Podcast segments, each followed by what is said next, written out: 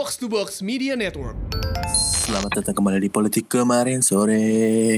Halo, udah Ya ini edisi bisik-bisik ya karena direkam di tengah malam demi tayang Jumat bro, nggak apa-apa bro.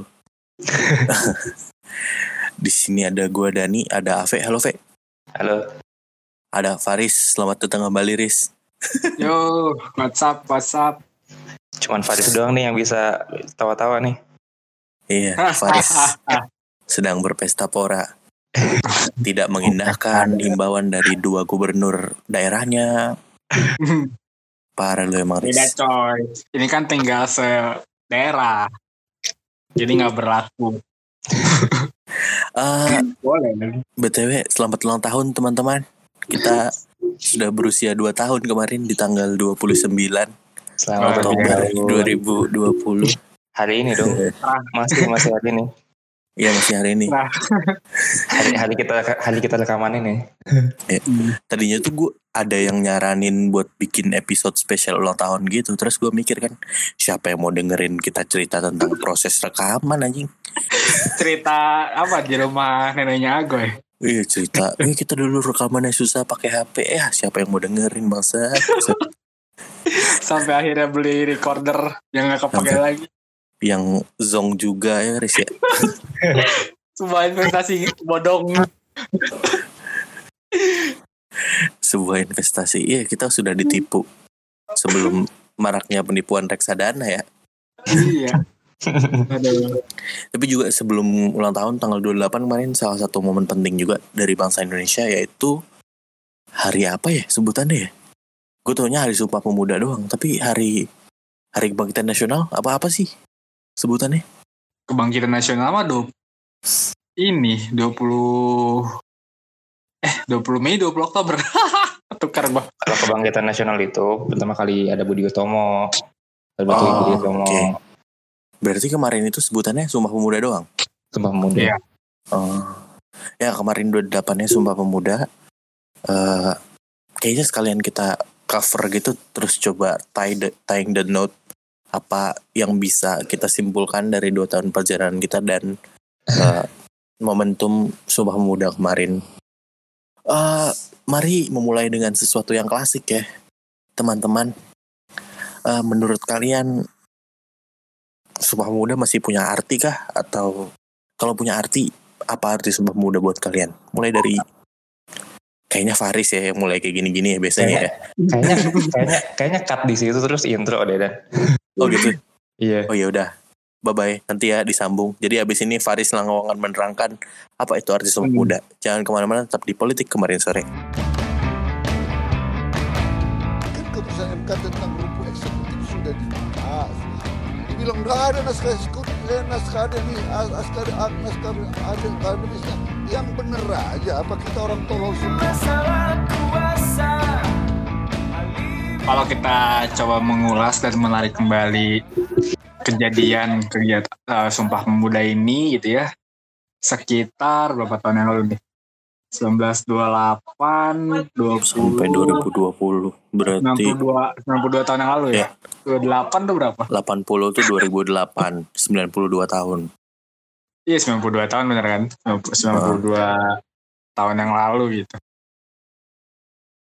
Hmm. Ya kita nggak perlu ngebahas bagaimana prosesnya, tapi bahwasanya hasilnya itu adalah yang selalu kita pegang kan tentang bagaimana kita punya satu bangsa yang sama, kita punya satu negara yang sama gitu kan, dan juga kita punya bahasa persatuan. Ini yang kadang-kadang juga kelewat dan jadi salah satu alat pemersatu juga gitu bu, yaitu bahasa Indonesia. Nah, Hmm. dari tiga, tiga poin besar ini gitu ya, yang kita sebut ikrar sumpah pemuda, itu sebenarnya menggambarkan dua hal. Bahwasanya kita punya kesadaran, kita punya negara gitu ya, kita kesadaran bernegara, kita ya kita perlu sebagai seorang warga negara membuat kontribusi apa pun itu gitu di berbagai sektor kita masing-masing. Dan juga bahwasanya Sumpah Pemuda ini lahir memang dari kepentingan bersama, dari berbagai suku, agama gitu ya. Kalau kita mau detailin lagi itu tergambar sangat jelas waktu Sumpah Pemuda itu diikrarkan pertama kali. Dua hal itu sih yang Mhm. sebetulnya hal-hal sederhana yang memang perlu dijaga sih kayak gitu karena dari dari situlah akhirnya kita bisa bisa melakukan banyak hal gitu ya. Orang yang yang sadar bernegara dia sadar bahwasanya apa yang kita lakukan gitu ya kita kita di kita lahir di sini ya istilahnya apa ya kita di, di dipinjemin tempat lah untuk lahir gitu. Bahkan negara pun memberikan kita satu fasilitas yang banyak gitu ya. Kita bisa bicara soal pendidikan kesehatan kita sebagai warga negara diberikan hak-hak itu gitu. Dan juga tapi dari dari hal ini juga bahwasanya bahwasanya ke depan gitu ya untuk membangun negara kita perlu tahu bahwasanya kita nggak bisa gerak sendiri kayak gitu. Kita nggak bisa gerak sendiri karena pada kenyataannya kita sudah kita perlu menerima bahwa Indonesia itu berbeda-beda gitu kan. Kita dari dari suku agama yang berbeda-beda perlu tahu ya ini kepentingan bersama mungkin itu dulu Ya, that's an interesting point karena eh, kalau gue bilang dua frase yang paling dis- sering disebut di momen Sumpah Pemuda adalah yang lo sempat singgung tadi, kesadaran berbangsa. Yang kedua, Hmm. kepentingan bersama.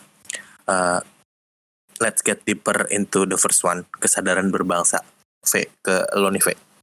Hmm. Eh, National Awakening itu kan momentumnya Sumpah Pemuda. Oke lah udah dibahas Faris dari tadi. Mhm.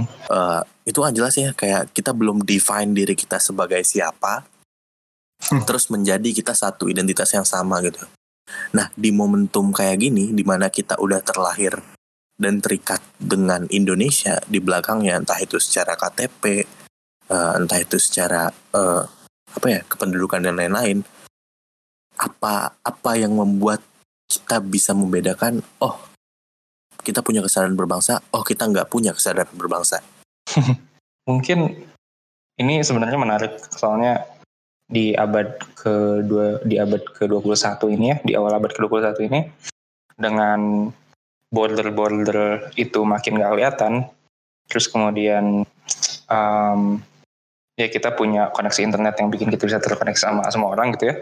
Iya. Banyak sebenarnya banyak counter counter ide ini, banyak banyak apa ya? banyak narasi yang sebenarnya melawan nasionalisme lah itu. Kayak eh, ngapain kita punya kesadaran berbangsa atau ngapain pun kita punya kesadaran bernegara ya ya udah kita kesadaran sebagai umat manusia aja gitu. Cuman menurut gue em, ketika di, di ke- dikucilkan gitu ya, di- dikecilkan scope-nya jadi cuman berbangsa dan bernegara, em, walaupun masih cukup kompleks, tapi setidaknya narasi ataupun motivasinya itu jadi lebih sederhana dibandingkan jadi umat manusia gitu. Nah, kalau dalam konteks Sumpah Pemuda sekarang dimaknainya seperti apa? Sebenarnya em, gue banyak banget contoh em, recent event yang mungkin kalau beberapa episode yang lalu kita udah bosen ya eh, bahasnya. Banyak banget contoh-contoh di mana em,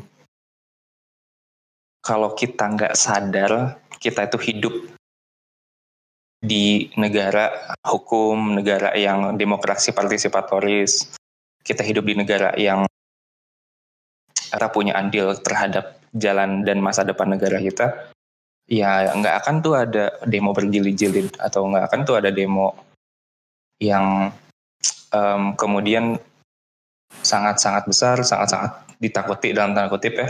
Kalau lo lihat kalau lo lihat eh, reportase narasi TV yang sampai ada yang sampai ada upaya untuk upaya untuk mendelegitimasi eh, aksi-aksi itu. Gue ngerasa em, Sumpah Pemuda sekarang itu dimaknai kembali sebagai em, semacam kalau lo tadi bilang satu kan ke ke kesadaran bernegara, yang kedua kepentingan bersama. Ya, yang didefinisikan kembali kan sebenarnya kepentingan bersamanya.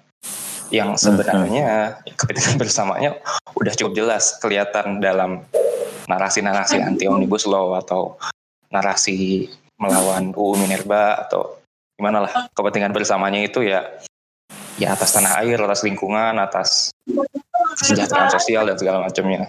Itu itu bisa dirangkum gitu. Kemudian makanya sekarang kan banyak koalisi, koalisi melawan koalisi aliansi masyarakat dan koalisi mahasiswa-mahasiswa gitu lah yang kemudian mencoba untuk melawan ketidakadilan itu. Tapi itu aja menurut gue nggak cukup sebenarnya. Ya lo mungkin di beberapa episode sebelumnya kan gue udah apalagi yang episode yang sama apa tuh yang sama bacot itu gue udah nanya-nanya dan gue udah uh, berpendapat kalau ini tuh sebenarnya um, walaupun kelihatannya sudah banyak yang melawan tapi suaranya belum satu gitu kan jadi mm -hmm. jadi agenda-agenda agenda-agenda yang merusak negara itu nggak bisa dis nggak bisa dilawan secara sepenuhnya gitu loh nggak bisa dilawan jadi ya masih civil society masih civil society terus kemudian yang liberal masih liberal, liberal terus kemudian yang partai oposisi yang konservatif masih konservatif nggak bisa disatukan gitu dalam satu kepentingan bersama itu tadi karena sebenarnya semakin ke sini menurut gua kepentingan bersama itu makin abu-abu sih Fe. Mm -hmm. uh, kayak kita tumbuh makin banyak informasinya makin bervariasi apa yang kita anggap penting uh, mm-hmm. dan semakin variatif itu semakin susah pula meyakinkan orang lain kalau apa yang kita yakini penting itu juga penting buat dia. Mm-hmm. Uh, contoh paling penting itu ya climate change misalnya. Uh, udah kurang yeah. kreatif apa kampanyenya, udah kurang masif apa kampanyenya, tapi selama itu nggak nyekek leher mereka, itu bukan jadi isu yang utama yang akan diperhatikan kan kayak yeah. sebenarnya isu hmm. lingkungan di omnibus law juga nggak se tidak semasif itu diobrolkan dia cuma jadi isu pendukung entah itu second atau third layer gitu ya yeah, betul hmm. isu utamanya kan tetap keburuhan ketenaga hmm. kerjaan dan lain-lain hmm. ya yeah. gue mau nanggepin itu sebenarnya ini balik lagi ke tanggapan gue yang bilang ada counter terhadap narasi nasionalisme atau counter terhadap narasi kebangsaan itu. Karena mm-hmm. karena kan sudah sekarang kan problemnya adalah kalau climate change problemnya problem multi negara gitu. Problemnya yeah, problem seluruh negeri gitu. Cuman kan kita nggak bisa mengambil konteks negara tersebut gitu loh bahwa konteksnya let's say um, misalkan kayak Norwegia gitu. Norwegia ngambil fossil fuels itu banyak banget di masa-masa 50 60 70 dulu lah dulu. Terus mereka kemudian um, jadi negara Obat. kaya. Hmm. jadi negara kaya. Terus kemudian karena standard of livingnya udah naik mereka kemudian bisa mereka kemudian bisa berubah ke elektrik atau berubah ke yang lebih sustainable lalu kemudian mulai kampanye green dan segala macamnya. Ya. Jadi um, kalau kemudian kita ubah perspektifnya dari kesadaran berbangsa jadi kesadaran menjadi negara negara dunia eh negara dunia kesadaran menjadi warga negara dunia gitu ya yang kemudian dilakukan Norwegia itu mereka sekarang sudah peduli dan kemudian ya kita harus dengarkan gitu mereka. Cuman kalau kemudian kita um, persempit lagi ke perspektifnya hanya berbangsa aja kan, kemudian kan ada arogansi gitu loh. Ada ya ini Norwegia bisa kayak gini ya karena mereka makmur Kaya, dari betul. sumber daya alam gitu loh. Mm-hmm. Nah ini gue, gue sendiri masih punya conflicting opinion gitu dalam otak gue. Ini seharusnya kita tuh sebenarnya nanggapinnya gimana karena di satu sisi um, im apa ya karena di satu sisi dominasi dominasi barat itu masih kental banget um, neokolonialismenya gitu loh yeah, yeah. Iya. ya ini kalau gue jelasin panjang banget lah gitu tapi intinya yeah. tapi intinya barat itu bisa ngasih tahu the rest of the world mereka itu harus ngapain itu karena mereka udah makmur duluan gitu loh Sementara kita yang kemudian ya kita baru Merdeka 45 baru punya kesadaran berbangsa tahun 28 gitu. dan pu- belum punya kesempatan untuk makmur gitu ya akan susah untuk ngasih tahu tukang beca untuk dia nggak boleh nggak boleh apa ya nggak boleh melakukan hal-hal yang mencemari lingkungan atau nggak boleh melakukan hal-hal yang em, eh, apa me- merusak oksigen merusak eh, ozon misalnya segala macamnya lah. Ya karena ya karena dia mikir untuk besok aja udah susah gitu. Ya, dia belum makmur gitu. Karena sebenarnya conflicting konflik di situ. Eh, itu pernah kita lihat juga grafiknya di seminar UBI kalau nggak salah ya, Fe. ya Jadi eh, semakin ke bawah itu semakin nggak peduli dia. Terus saat mencapai puncaknya, udah kaya banget tuh justru makin nggak peduli lagi. Jadi balik lagi nurun ke bawah kepeduliannya. Jadi ya cuma menengah ke atas gitulah yang akan peduli. Itu kenapa UBI penting kawan-kawan. Kembali UBI hadir di setiap episode podcast ini. Iya.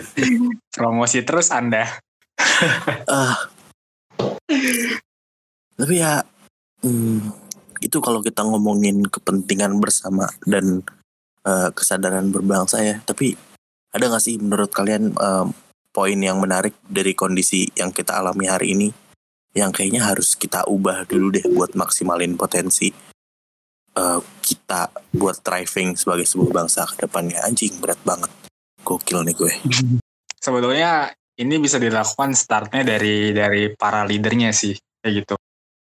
Karena Gimana gini tuh? sih, gua- karena karena gini, gue gua ngelihatnya, ya ekonomi dan juga pendidikan itu memang akhirnya jadi faktor pembeda bagaimana orang punya tingkat kesadaran kayak gitu. Tapi kita pun jangan meremehkan sih, meremehkan orang-orang yang ya bisa dibilang pendidikan rendah ataupun ekonominya rendah, mereka belum bisa melihat adanya value kayak gitu. Nah, di sinilah peran-peran orang yang berpendidikan gitu ya, orang-orang leader lah. Mungkin kalau kita bicara lebih leader ataupun role model, orang-orang yang orang-orang yang punya kapasitas ini ataupun bahkan punya privilege ya, tapi akhirnya privilege digunakan untuk ini gitu. Ini jadi jadi gua rasa bisa jadi faktor penting sih kayak gitu untuk memperlihatkan bahwasanya hal-hal tentang kesadaran bernegara, tentang kepentingan apa bosnya ini adalah kepentingan bersama gitu untuk memajukan bangsa dan negara Indonesia itu dengan memberikan contoh gitu gue gua ngelihatnya kita itu seperti itulah gitu. Kita dalam menjalani apa kehidupan berbangsa dan negara gitu. Ya kita kan masih sering lihat bahwasanya sosok-sosok kepala daerah gitu ketika dia akhirnya turun ke bawah gitu ya mereka dapat respect gitu kan dis- disegani gitu. Ketika mereka bisa konsisten gitu ini PR adalah konsistensi juga kan karena yang kita lihat kan ya berbeda-beda lah gitu ya sikap pemimpin kita yang terbaru lah. Ini ini nye- nyepet sedikit lah. Misalnya Bu Mega baru baru baru ini membuat statement yang bertolak belakang dengan apa yang dia lakukan ya puluhan tahun yang lalu gitu kan. Ini kan maksudnya jadi satu hal yang akhirnya ya apa sih Loh. statementnya? Dibuka ya dong. Yang dia bilang bahwa uh, apa namanya milenial tuh bisa apa lah intinya itu yang yang jadi Ah, jadi, jadi headline itu kan. Nggak usah dimanjain milenial gitu ya. Iya dan gitu-gitu. Maksudnya itu kan akhirnya akan akan punya impact gitu untuk orang yang mungkin nggak punya waktu atau memang tidak tidak mampu untuk memproses dan melihat menganalisa statement tersebut kan gitu. Akhirnya dia ikut-ikutan. Nah ini yang yang akhirnya bisa jadi mengkhawatirkan gitu efeknya bisa bisa lebih cepat gitu soal soal ya akhirnya ke literasi juga misalnya gitu kan. Jadi gue gua melihat sambil kita menunggu menunggu gitu ya ya usulan lu so- kalian berdua soal UBI dan sebagainya gitu ya Hmm. sampai kita mencapai kondisi yang dianggap makmur lah ya kita kita juga nggak pernah tahu makmur di sini nanti akan seperti apa gitu. Karena it- nggak apple to apple lah kita bandingin sama Nor- Norwegia sebetulnya ya kayak gitu. iya, iya. kurang lah kayak gitu Iya, gitu sih. Sambil menunggu itu yang di atas inilah perlu perlu memberikan contoh. Ya inilah kalau prinsipnya pendidikan kita gitu kan tuturi handayani gitu kan. Ini yang depan harus memberikan contoh gitu. Yang di tengah gitu ya mungkin kita di tengah lah ya. Kita nyupport lah nyupport tapi juga coba mengangkat yang masih tertinggal gitu kan Faris awalnya optimis, terus nyepet nyepet Megawati sebentar, terus optimis lagi, kocak dah. Susah emang kalau habitatnya menjual janji gue manis. Fe. menyoroti bahwasanya konsistensi ini gitu kan. Ya, ini, ini perlu perlu dibangun untuk pemimpin-pemimpin kita ke depan gitu. ya, ya, Dan dan itu ada dan itu ada kok. Itu ada, itu ada dan tinggal ya mungkin kita ataupun kita mendukung dan mendukung mereka gitu yang emang mampu memberikan contoh yang baik gitu dan meningkatkan kesadaran ini. dasar anak turun tangan. Iya. Yuh. Dua orang nih mampus lo ntar. Jangan coba-coba dipancing. Nah, Iya, iya, iya. Kalau lo apa Ve? Apa yang kurang dari resep kita yang selama ini dibangun buat Ini- thriving sebagai sebuah bangsa? Ini sebenarnya em, ini sebenarnya sekaligus em, kesempatan bagus buat refleksi ya. Kan eh, politik kemarin sore dua tahun. Ya. Hmm, Terus em, Ya itu tujuan pe- pertanyaan ini Pak. ya itu gue inget episode pertama itu Faris bilang kayak em, apa ya? Gue lupa. Yang nyalon nggak ada apa-apanya. Nah, yang mendingan nyalon gua. nggak ada apa-apa. Faris gitu. Iya. Jangan Riz. Masih ingat kan lu sama omongan lu? bilang kayak gitu. Tapi kan berkali-kali gue ngobrol sama Dani, sama gue, sama Faris. Intinya kan politik kemarin sore itu kan sebenarnya untuk pendidikan politik ataupun kayak semacam membumikan politik gitu kan. Ya membumikan Iya. lah. Kalau pendidikan tuh kayak Iya. besar banget. Aduh. Membumikan politik. Jadi kita bikin politik bisa diceng-cengin gitu kan sebenarnya. Nah, em, ini lo mungkin bisa bisa bisa punya refleksi masing-masing ya. Tapi gue ngerasa makin ke sini makin gampang untuk ngajak orang ikut dalam politik yang gimana ya? Mungkin bukan akar rumput, tapi Politik praktis maksud lo kayak boykot produk Paris gitu ya? boykot produk Prancis, taruh di lantai, itu gitu maksud lo?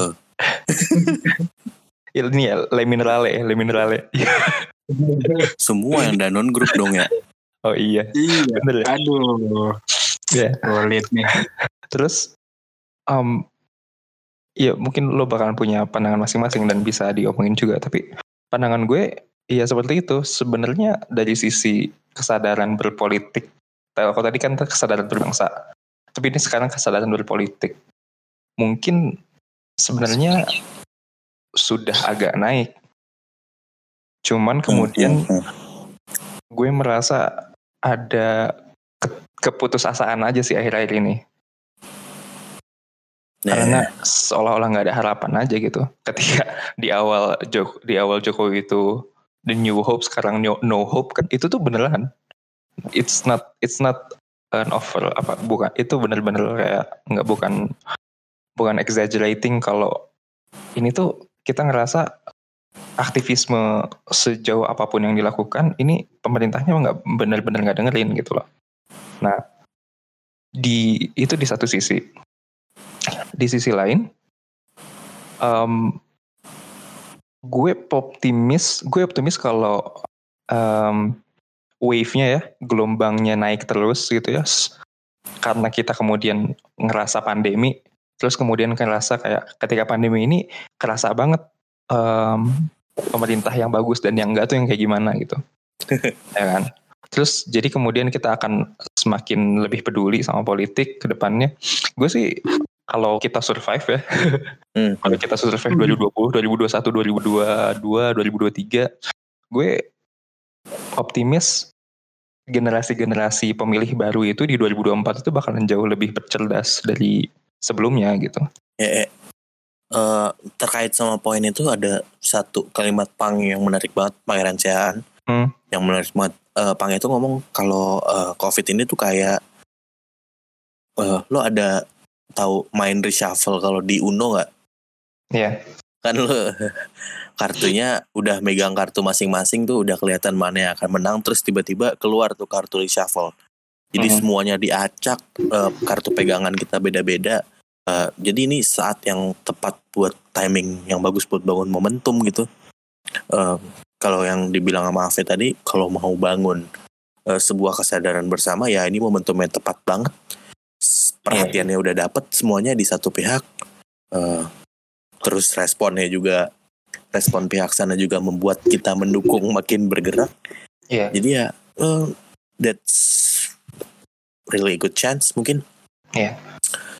Terus- Iya, memang. konsolidasinya konsolidasinya udah kelihatan kalau apa kubu sana tuh konsolidasinya kelihatan ya ketika omnibus law ataupun ketika undang-undang minerba disahkan kan konsolidasi itu kelihatan konsolidasi oli- oligarkinya tuh sudah semakin terbentuk dan sudah semakin apa ya nggak nggak takut gitu sama nggak takut memperlihatkan diri gitu tinggal sebenarnya konsolidasi lawannya konsolidasi oposisinya ini yang kemudian memperkuat diri sampai masih ada beberapa tahun lagi nih. Ini bakalan angkat-angkat tai ayam doang apa enggak gitu. Gitu sih. Semoga nggak cuma jadi kayak apa sih bilangnya cuma jadi kayak tombol undo gitu aja Ve kayak apa Iya. yang pemerintah lakukan kita demo undo. Tapi habis itu belok lagi undo lagi. Capek di cancel culture doang jadi ya. Iya. nggak nggak progres ke mana-mana. Eh terus apalagi ya? Paling oh itu aja mungkin yang ada lagi yang mau disampaikan? Nggak ada kan ya? Lo udah pernah lo udah nonton yang The Trial of Chicago Seven belum? Wah, Aduh, belum belum lagi. Belum ya? Iya. gue belum sama sekali katanya bagus ya Bagus. Tonton dulu deh. Nanti mungkin episode selanjutnya kita bahas itu. oh gitu Iya, itu menarik. Itu menarik sih.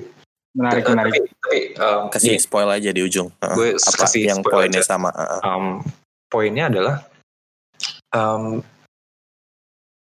poinnya itu sebenarnya si setelah jadi di Trial of Chicago Seven itu kan ketika Nixon naik ya Hmm. ya, ya. Richard Nixon naik dan mereka sebenarnya secara politik secara politik praktis nggak terlalu banyak merubah sesuatu karena Nixon tetap naik eh, Vietnam tetap jalan terus gitu kan terus Hmm. ah, pada akhirnya um, Nixon di re-elected lagi gitu di tahun di periode selanjutnya jadi sebenarnya secara politik praktis mereka nggak terlalu banyak eh, punya perubahan nggak nggak ngasih perubahan gitu. Tapi kalau kemudian dilihat dengan sisi kultural ya, bukan cuma dari sisi politik, tapi dari sisi kultural, itu tuh benar-benar benar-benar ngasih momentum buat em, gerakan kiri ya waktu itu. Chicago Seven itu kiri rata-rata ngasih momentum buat mereka itu benar-benar dapat panggung, benar-benar dapat momentum gitu, benar-benar dapat apa ya? Iya, benar-benar dapat kesempatan gitu. Nah, sayangnya adalah itu kesempatannya akhirnya dipakai apa enggak gitu loh. Karena em, kritik terbesar terhadap kiri ketika tahun 60-an 70-an kaum-kaum hippies itu mereka tuh nggak pernah berpikir strategis. Gitu. Jadi ya kalau kemudian dicoba untuk diaplikasikan di sekarang ya, baik di Hmm, Amerika Serikat maupun di Indonesia gitu, ya semoga aja gerakan-gerakannya itu bukan cuma narsisisme aja gitu, udah udah jelas udah jelas urgensinya apa gitu. Kalau Iya. narsisisme cukuplah kita yang bikin podcast ini yang narsis gitu ya orang-orang yang kemudian berjuang di jalan atau berjuang di tempat-tempat aktivismenya masing-masing ya harus tahu kalau em, yang dilawan memang sangat-sangat sangat-sangat ini sangat-sangat penting gitu. Yang diperjuangkan sangat-sangat penting. Itu aja sih sebenarnya. Ini Eh, episode paling ini episode paling nggak ada tawanya gitu. Nggak ada pak. Gue nggak sempet mikirin mau belokin di mana tadinya bisa tuh kalau kita omongin Iya. kayak proses-prosesnya dulu. Soal dari Tan Malaka konsep negara gitu-gitu bisa tuh. Tapi kayaknya males deh. Ini bukan podcast komedi lagi podcast males. Eh, itu aja kali ya episode kali ini ya. Hmm, wah. Selamat ulang tahun sekali lagi buat kita sendiri. Eh, Hmm. Terima kasih buat yang sudah mendengarkan selama 2 tahun ini ataupun yang baru datang. eh, semoga lifespan kalian di podcast ini juga sampai 2 tahun ke depan. nggak nggak artinya nggak cuma dua episode terus ditinggal lagi. Eh, terus juga selamat merayakan momentum Sumpah Pemuda yang kayaknya tahun ini sangat penting buat dirayakan kembali karena ini eh, waktu yang tepat buat kembali membangun momentum pergerakan. Apa sih? Ini harusnya Faris yang ngomong sih. Gue kayak geli gitu dengar kata-kata gue sendiri. Nggak bisa demokratis demokratis gitu. Ya itulah. Gimana Riz? Ayo Riz tutup dong.